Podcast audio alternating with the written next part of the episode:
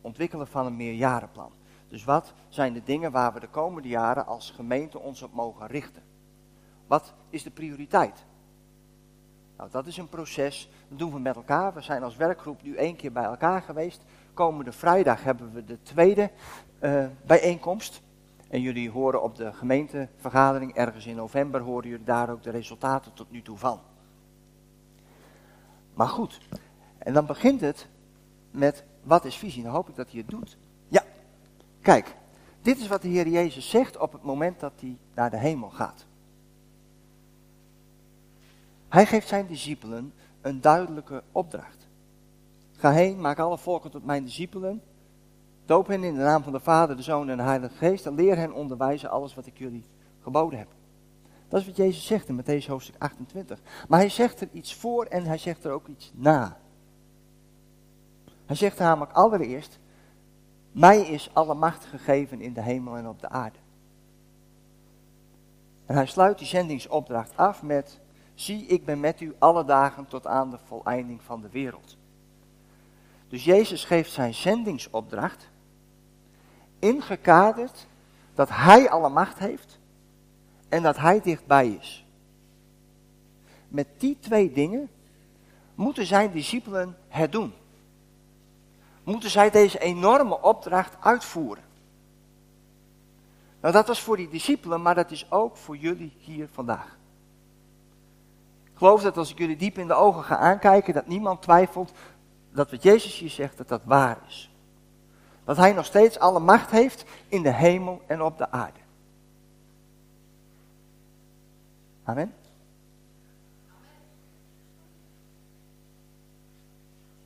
En we geloven ook, net zoals dat hij zijn discipelen beloofde, zie ik ben met u alle dagen tot aan de voltooiing van de wereld. Nou, binnen dat grote kader hebben die twaalf apostelen die dit krijgen, die deze opdracht krijgen, natuurlijk heel veel vrijheid om te bewegen, om dat uit te voeren. En je ziet in handelingen, hoofdstuk 6, zie je op een prachtige manier hoe dat gaat. Dat God een opdracht geeft en dat de apostelen een weg zoeken in de context van die tijd om gemeente te kunnen zijn. Nou, eigenlijk is dat precies wat wij doen met die werkgroep voor het meerjarenplan. Binnen het kader wat God geeft, binnen het kader wat gelegd wordt in het woord van God, proberen we met elkaar een weg te vinden. En eigenlijk is dat ook wat jullie vanavond doen. Dus jullie als gemeente bij elkaar zijn om te zoeken naar de weg van God over homoseksualiteit. Gods macht en Gods kracht staat niet ter discussie. Gods nabijheid staat ook niet ter discussie. Maar hoe je dat in het hier en nu beweegt, hoe je dat uitvoert, dat is de zoektocht.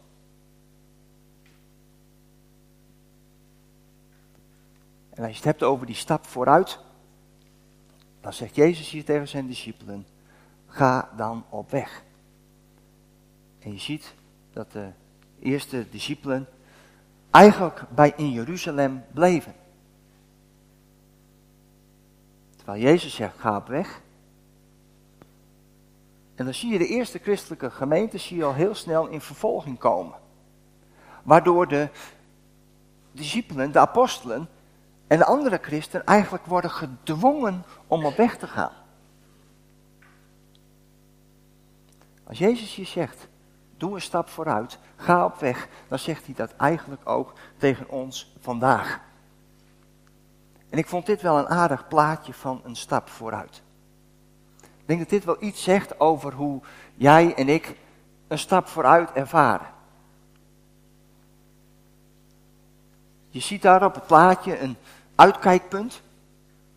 En je ziet iemand daar naartoe klimmen op een niet al te vlakke weg.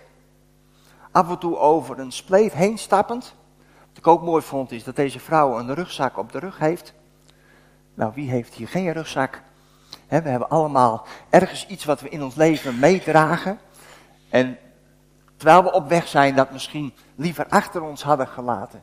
We zien ook dat het pad niet helemaal effen is. Maar ergens zien we wel dat als we daar op die top zijn, dan moet het uitzicht prachtig zijn. Dan moet het perspectief wat God geeft geweldig zijn. Nou, eigenlijk is dit wat we met elkaar willen ontdekken. Niet alleen als werkgroep, maar ook als hele gemeente. Wat is de plek, wat is het pad wat God wijst naar dat prachtige uitzichtpunt waarin we iets zien van zijn glorie, zijn macht, zijn enorme toekomst.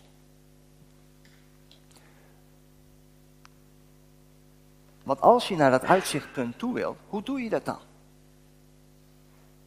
Dus een tekening van een huis en wat gereedschap. Je hebt gereedschap nodig om iets in je huis te kunnen doen. Maar je hebt ook een plan, een idee nodig om te kijken hoe en wat. Op het moment dat ik thuis ga klussen en geen plan heb en ook geen gereedschap, dan hoop ik dat mijn vrouw mij heel snel naar buiten stuurt. En tegen mij zegt, ga maar lekker hardlopen, dan ben je effectiever. Je moet een idee hebben, je moet een soort plaatje hebben van hoe dat grote plan, hoe dat past in het hier en het nu. Nou, dat is wat we met elkaar gaan doen. We maken een meestelijk plan. En het boeiende is dat in de Bijbel we heel veel van, dat processen, van die processen ook zien. En misschien, als je er even over nadenkt, waar worden in de Bijbel allemaal plannen gemaakt? Waar zie je eigenlijk dat proces van op weg naar een mooi uitzichtpunt, op weg naar een meestelijk plan, waar zie je dat bijvoorbeeld gebeuren? Hebben jullie een idee? Bij Abraham? Ja.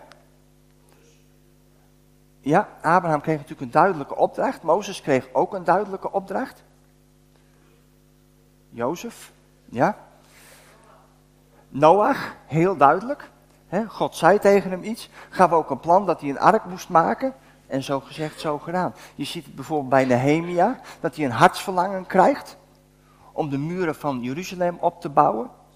En het op die manier uh, uh, doet. We zien het in Handelingen hoofdstuk 6, zien we het gebeuren. Als er Grieks sprekende weduwen in de gemeente zijn die nou, niet de aandacht krijgen die nodig is. En dat de apostelen ook daar een plan voor maken en zeggen van oké, we zien de nood, we zien ons met elkaar als gemeente, wij willen daar met elkaar een oplossing voor bedenken. En dan wordt de vraag in de gemeente neergelegd, zie om, om u heen naar een aantal bekwame mensen die juist specifiek voor deze nood iets zouden kunnen doen. En wat dachten jullie van openbaring? Openbaring waar eigenlijk een plan staat voor de toekomst van deze wereld. Vanaf het hier en nu tot het einde. Nou is openbaring niet primair geschreven om voor ons zo'n routekaart te zijn. Maar wel om ons uit te dagen om klaar te zijn voor de komst van Jezus, dat we Hem gaan zien. Zo zijn er nog wel een heel aantal voorbeelden te bedenken. Bijvoorbeeld Salomo die de tempel bouwt, David die dat klaarmaakt en die uitgewerkte plannen heeft. Door de Bijbel heen om te zien dat er onderdelen zijn van een meesterlijk plan wat God in harten van mensen heeft gelegd. En de vraag is, hoe doet God dat? Hoe ontdekken we dat met elkaar? We gaan dat doen naar aanleiding van Genesis hoofdstuk 41. En we kunnen dat hoofdstuk niet helemaal met elkaar lezen in verband met de tijd. Dus daarom even een korte inleiding. Dit is een plaatje van een farao. Die een droom heeft. Farao was de heerser van Egypte. De zonnekoning. Eigenlijk werd hij in zijn eigen land, in zijn eigen gebied, vereerd als zijnde zoon van God. Zoon van de zonnekoning. Hij had de macht. En op een gegeven moment droomt hij dat er uit de Nijl zeven koeien komen. Zeven vette koeien. Die gaan grazen. Die er perfect uitzien. En tot zijn verbazing, tot zijn schrik, ziet hij daarna nog zeven koeien uit de Nijl komen. Zeven magere, verschrikkelijke koeien. En wat doen die zeven magere? Die eten die zeven vette op. En daarna zien ze er nog net zo uit als daarvoor. Dan droomt hij verder. En terwijl hij verder droomt, ziet hij zeven volle korenaren. En terwijl hij die zeven korenaren ziet, ziet hij zeven hele magere, verdorde, verschrompelde korenaren daarnaast opkomen. En ook die zeven magere korenaren eten die anderen op. En dan is die droom afgelopen. En de farao weet niet wat het betekent. En dat moet hem als zoon van de zonnekoning, zoals hij bekend stond, natuurlijk iets van, nou ja, angst in zijn hart geven. Want als hij dan een droom van zijn God krijgt, wat is dan de uitleg daarvan? Dus hij wordt enigszins verschrikt wakker. En terwijl hij wakker wordt, roept hij al zijn wijzen van zijn land, van zijn koninkrijk, roept hij bij zich. En hij legt hun die droom uit. Maar zij kunnen hun, hem de betekenis niet geven. En een van de mannen die daarbij is, is de schenker van de farao. En die herinnert zich dat twee jaar geleden hij ook een droom had gehad. Toen hij in de gevangenis zat. En dat daar toen een helper van de bewaker van de gevangenis was, Jozef, die zijn dromen kon uitleggen. Wat er in die twee jaar gebeurd is en dat die schenker daar een belofte voor had gedaan, dat hij een goed woordje voor Jozef zou doen bij de farao, dat was hij misschien allemaal vergeten, maar hier op dit moment, als die farao met deze dromen komt, herinnert hij zich dat weer. En omdat al die wijzen van dat rijk van Egypte niet antwoord konden geven, is die farao vanuit angst gedreven eigenlijk ten einde raad en zegt, haal die Jozef hierheen. En terwijl hij dat doet en aan Jozef dat uitlegt, gebeurt het volgende. En dan gaan we met elkaar lezen. Um, ik lees het even zo van het scherm met u voor. Jozef zei tegen de farao, u hebt tweemaal hetzelfde gedroomd, farao. En God heeft u bekendgemaakt wat hij gaat doen. Die zeven mooie koeien zijn zeven jaren en die zeven mooie korenaren zijn ook zeven jaren. Het is één en dezelfde droom. De zeven magere, lelijke koeien die daarna tevoorschijn kwamen, staan ook voor zeven jaren. Net zoals de zeven lege aren die door de wind verschroeid waren. Er zullen zeven jaren van hongersnood komen. Het is, Farao, zoals ik u daarnet zei, God heeft u laten zien wat hij gaat doen. Er komen zeven jaren waarin er in heel Egypte grote overvloed zal zijn. Daarna volgen zeven jaren van hongersnood. Dan zal niemand zich nog iets herinneren van de overvloed die er in Egypte was. De hongersnood zal het land te gronden richten. En zo erg, en zo erg zijn, dat er van de eerdere overvloed niets meer te bespeuren valt. Dat u deze droom tweemaal hebt gekregen, betekent dat Gods besluit vaststaat en dat Hij het binnenkort gaat uitvoeren. U zou er daarom goed aan doen, Farao, een verstandig en wijs man te zoeken en het bestuur over Egypte aan hem toe te vertrouwen. Ook zou u krachtige maatregelen moeten nemen. Ik raad u aan in het hele land opzichters aan te stellen en tijdens de zeven jaren van overvloed een vijfde te vorderen van wat het land opbrengt. Al het voedsel dat Egypte voortbrengt in de goede jaren die straks aanbreken, moet worden verzameld. U moet erop toezien dat er in de steden graan wordt opgeslagen en dat dat graan moet zuinig worden bewaard. Uit die voedselvoorraad kan het land dan putten in de zeven jaren van hongersnood die er te wachten staat. Zo hoeft Egypte niet van honger om te komen. Zowel de farao als zijn dienaren vonden dit een goed voorstel. Tot zover.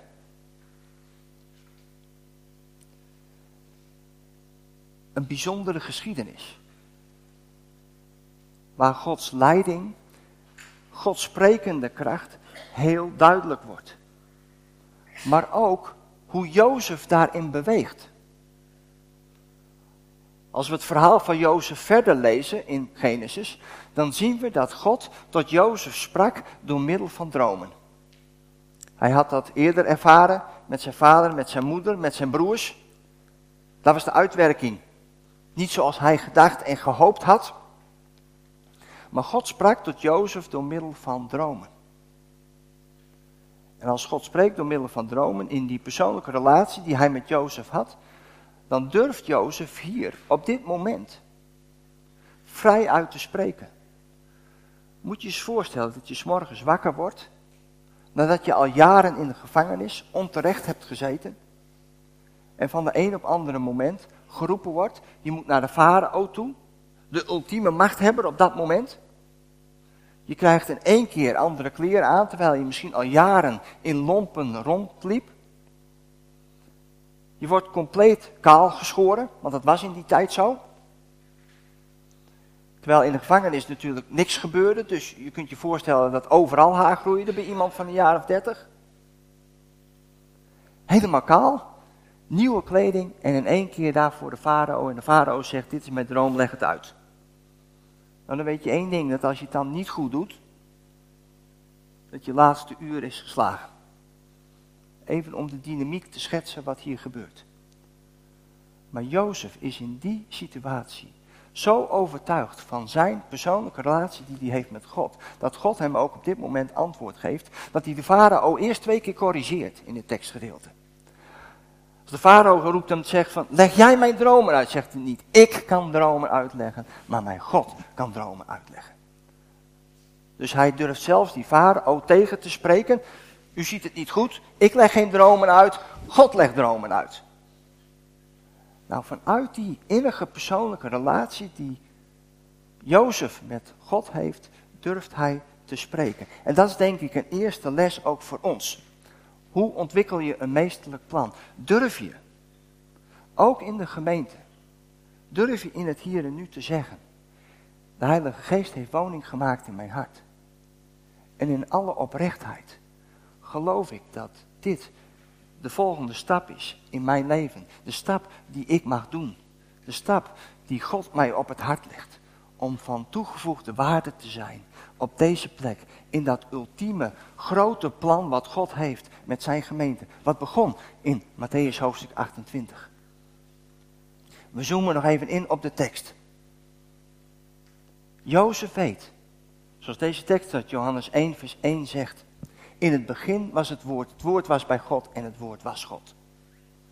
Hij zegt ook hier in dit tekstgedeelte dat Jezus, dat God alle macht heeft in de hemel en op de aarde.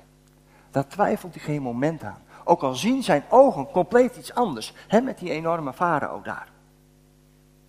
Hij weet wat de geestelijke waarheid is in die situatie. En dan zien we in vers 16 en vers 25 Jozef zei tegen de farao, u hebt tweemaal hetzelfde gedroomd, farao. En God heeft u bekendgemaakt wat hij gaat doen. Op het moment dat we hier in de gemeente bezig zijn met een meerjarenplan, dan is dat niet het plan van die 10, 12 mensen die daar in die groep zijn. De zoektocht van die groep is, wat is Gods plan voor deze gemeente in het hier en nu? Dat is de zoektocht. Maar daarbij gebruikt God ons met elkaar. Legt hij ons op het hart wat zijn verlangen is. Wat zijn volgende stap is. En daarom is ook mijn allereerste uitnodiging voor jullie allemaal. Bid voor deze groep. Bid voor dit proces. Bid dat God ons met elkaar op het hart legt. Wat de volgende stap is voor deze gemeente. Wat die stap vooruit is. Want God maakt het bekend.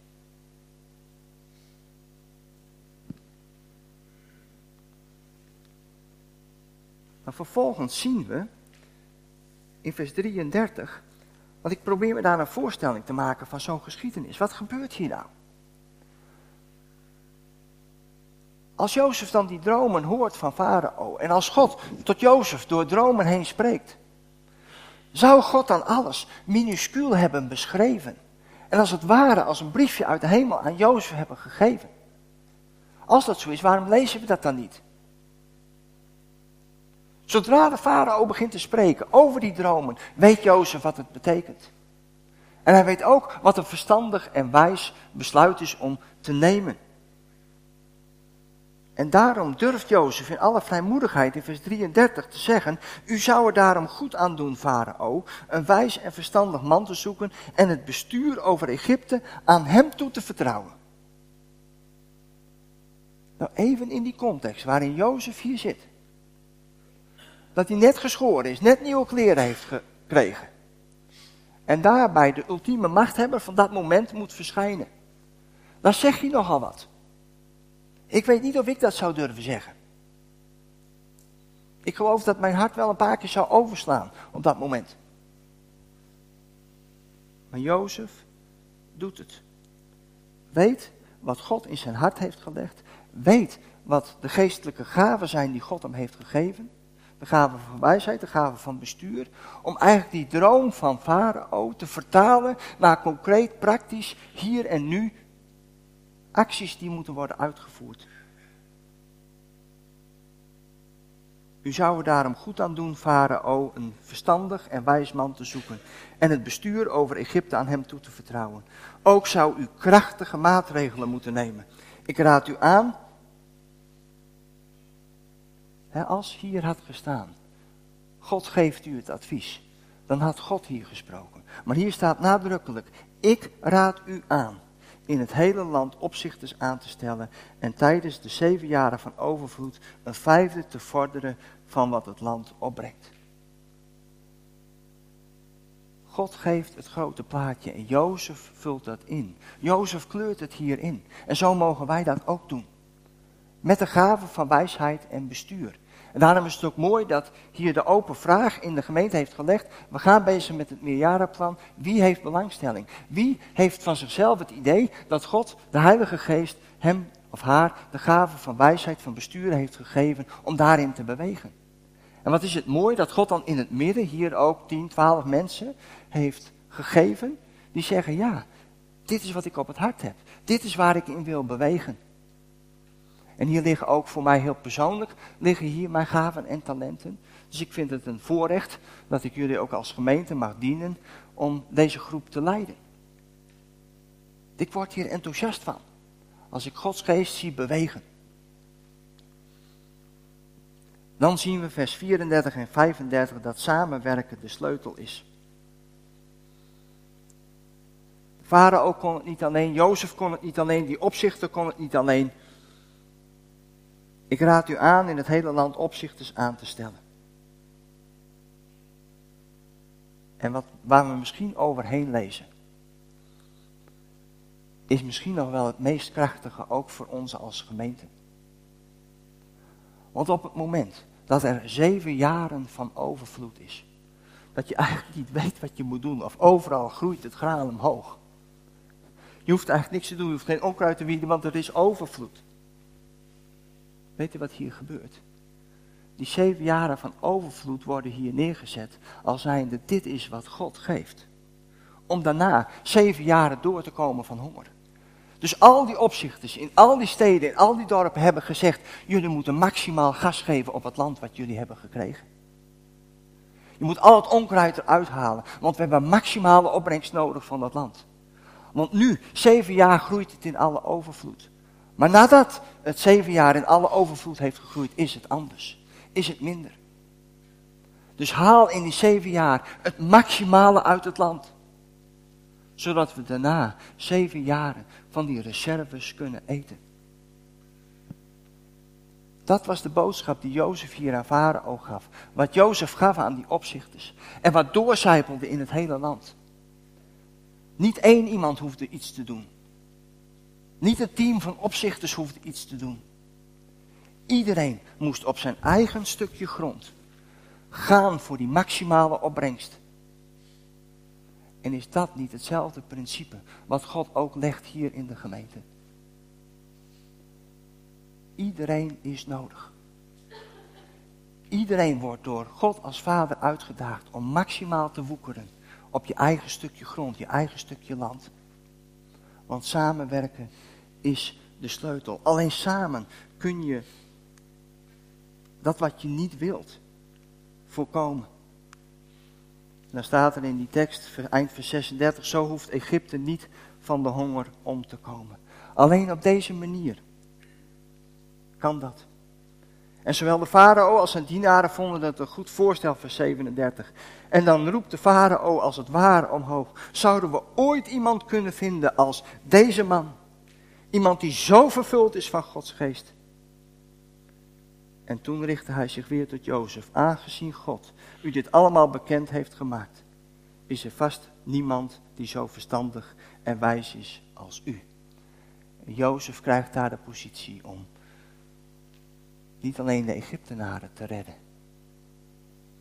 maar wat misschien nog veel groter is.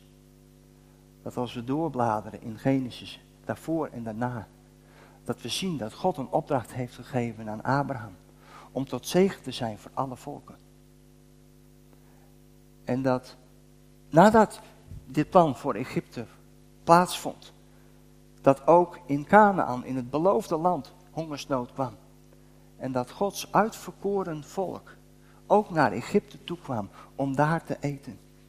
Dus God zorgt op een bovennatuurlijke manier, hier in dit tekstgedeelte, dat zijn plan, zijn opdracht, die hij al aan Abraham had gegeven, doorgaan kan vinden. Zodat zijn volk gered wordt. En alleen door samenwerking.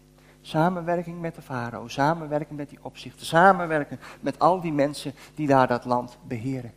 En zo gaat het ook vandaag en nu. Dit zijn goddelijke principes die in onze schepping liggen. En wij kunnen dat negeren, wij kunnen zeggen ik heb het nu te druk met andere dingen. Maar daarmee loop je een deel van de zegen van God mis. Wat ik prachtig vond gisteren.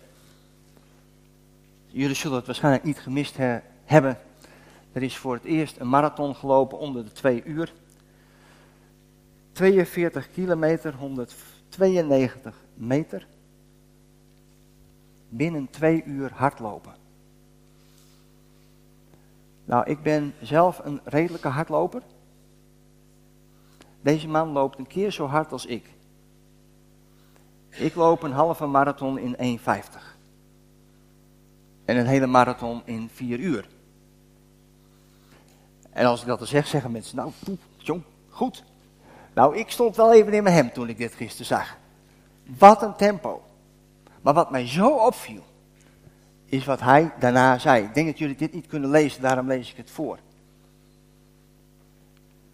Hij en zijn vrouw, zijn drie kinderen, ontzettend dankbaar dat hij in de gelegenheid is gesteld om dit te doen. Dus hij legt deze prestatie, legt hij in dat intieme, die intieme groep waar hij deel van uitmaakt, zijn vrouw en zijn kinderen. Hij zegt, het is niet een prestatie van mij alleen, maar ook die van mijn vrouw en kinderen. Hij weet dat hij niet alleen is. Maar dan, denk bij dit record ook aan de 41 gangmakers die bij de beste atleten ter wereld horen. Ik ben ze heel erg dankbaar.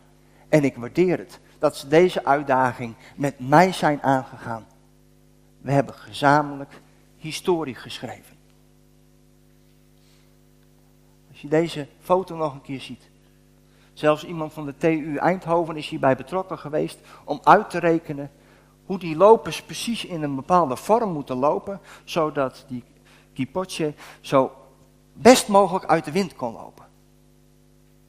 Dus al deze andere mannen, die hebben geholpen om dit, deze prestatie te leveren, deze 42 kilometer en 192 meter, om die binnen de twee uur af te leggen. En ik vind het mooi dat hij als winnaar, als hij als held, direct ook weer het verband legt op die samenwerking. Wat hij eigenlijk zegt, ik had dit record niet kunnen lopen als ik niet die 41 helpers had gehad. Dat principe, dat geldt voor deze hardloopwedstrijd, maar nog vele malen meer voor ons als plaatselijke gemeente. En daarom, en dan kom ik tot een afronding, en dan lezen we de tekst nogmaals uit Lucas hoofdstuk 4, vers 18 en 19. Harry heeft er ook mee geopend. Jezus aan het begin van zijn optreden. Hij komt in Nazareth, de plek waar hij groot geworden is. En daar in de synagoge pakt hij die boekrol, die boekrol van Jesaja. En dan zegt hij, de geest van de Heer rust op mij. Want hij, de geest van de Heer, heeft mij gezalfd. Om aan armen het goede nieuws te brengen, heeft hij mij gezonden. Om aan gevangenen hun vrijlating bekend te maken. En aan blinden het herstel van hun zicht. Om onderdrukten hun vrijheid te geven. Om een genadejaar van de Heer uit te roepen. Hij rolde de boekrol op, gaf hem terug aan de dienaar en ging weer zitten. En de ogen van alle aanwezigen in de synagoge waren op hem gericht. En dan die wonderlijke woorden. Hij zei tegen hen: Vandaag hebben jullie dit schriftwoord, deze schrifttekst, in vervulling horen gaan. Met Jezus is dit gekomen. En als lichaam van Jezus Christus op aarde, waar zou je je dan op kunnen richten?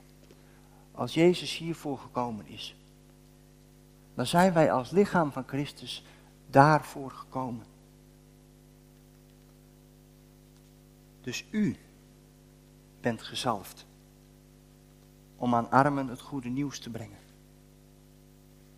Daarvoor heeft God u in deze plaatselijke gemeente gezet. Om aan gevangenen, zowel geestelijk als fysiek, hun vrijlating bekend te maken. Om aan blinden het herstel van hun zicht te geven. En om onderdrukten hun vrijheid te geven. Om een genadejaar, om een genadeperiode van de Heer uit te roepen. Over deze gemeente, over deze omgeving, over de plek waarin jij leeft en beweegt.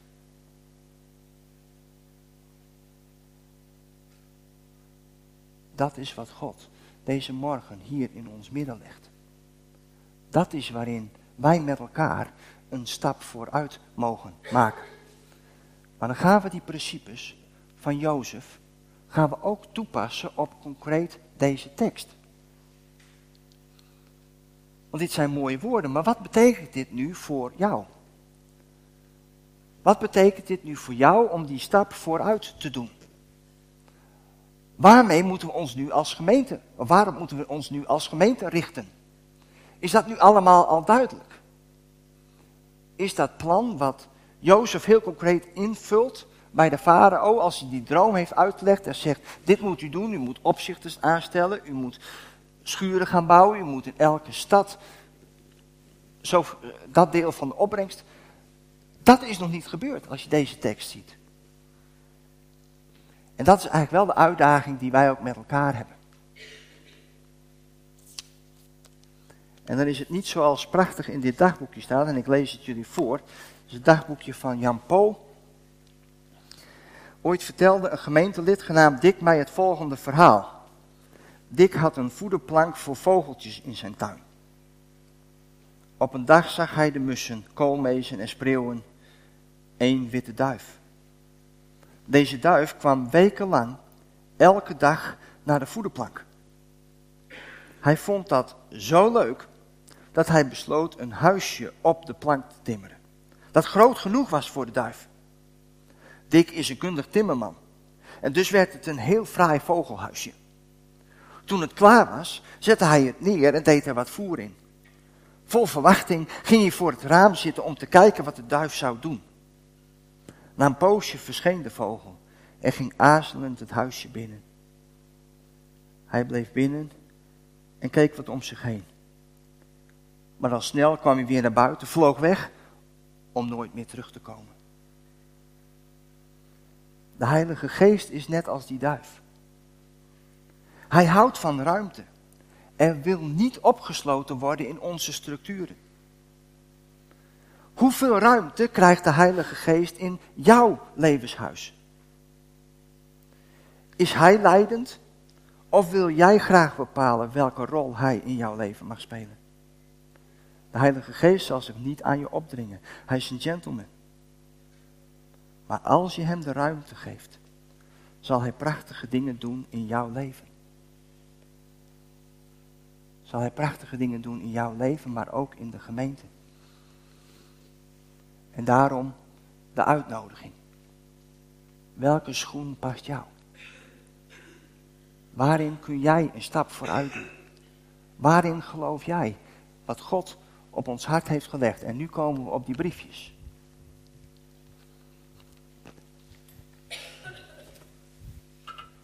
Ik denk dat ik deze mag gebruiken.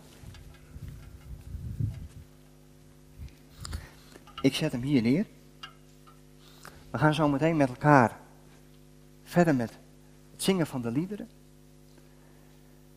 Maar voordat we dat gaan doen, wil ik aan jullie allemaal heel persoonlijk ja, jullie uitnodigen om een briefje te pakken en om te kijken wat God jou op het hart legt. Wat is de stap vooruit die jij persoonlijk of die wij als gemeente mogen doen? En probeer te luisteren naar wat de Heilige Geest in je hart zegt. Net zoals hij tot Jozef sprak.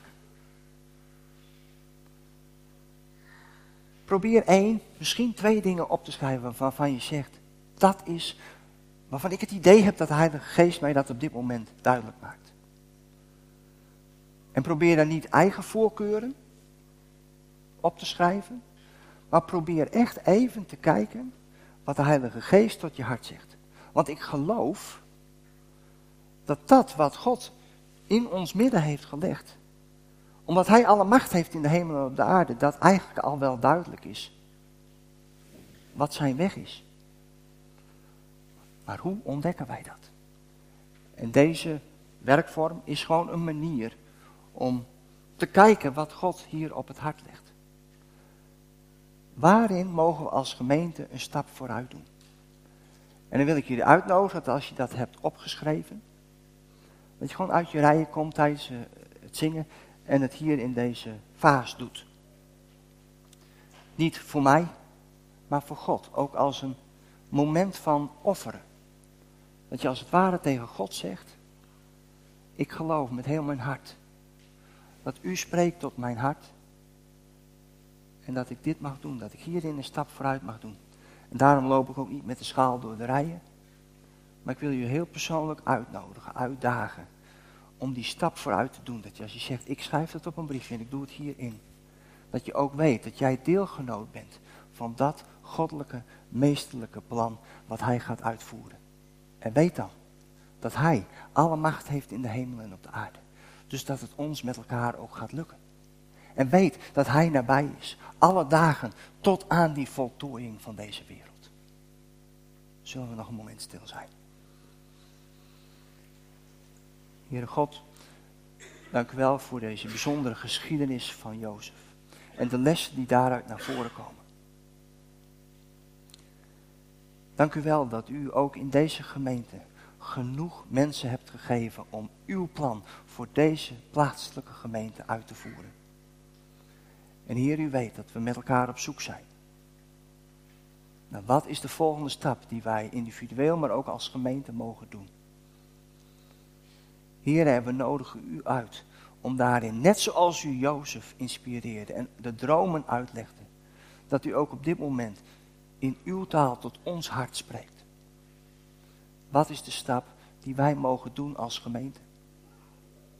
Wat is de stap die u door uw Heilige Geest ons op het hart legt? Heer, want u wilt niet dat er iemand verloren gaat. U zegt tegen uw gemeente, net als dat u zegt in Lucas hoofdstuk 4, de geest van de Heer rust op mij. Want hij heeft mij gezalfd. Om aan armen het goede nieuws te brengen, heeft hij mij gezonden. Om aan gevangenen hun vrijlating bekend te maken. En aan blinden het herstel van hun zicht. Om onderdrukten hun vrijheid te geven, om een genadejaar van de Heer uit te roepen. En o God, wat betekent die tekst? Voor ons als open thuisgemeente, voor ons persoonlijk? Dat is wat we graag van u horen en wat we daarna vrijmoedig op die briefjes schrijven. Ik bid dat Heer dat u krachtig spreekt tot ons hart op dit moment. In Jezus' naam. In Jezus' naam. Amen.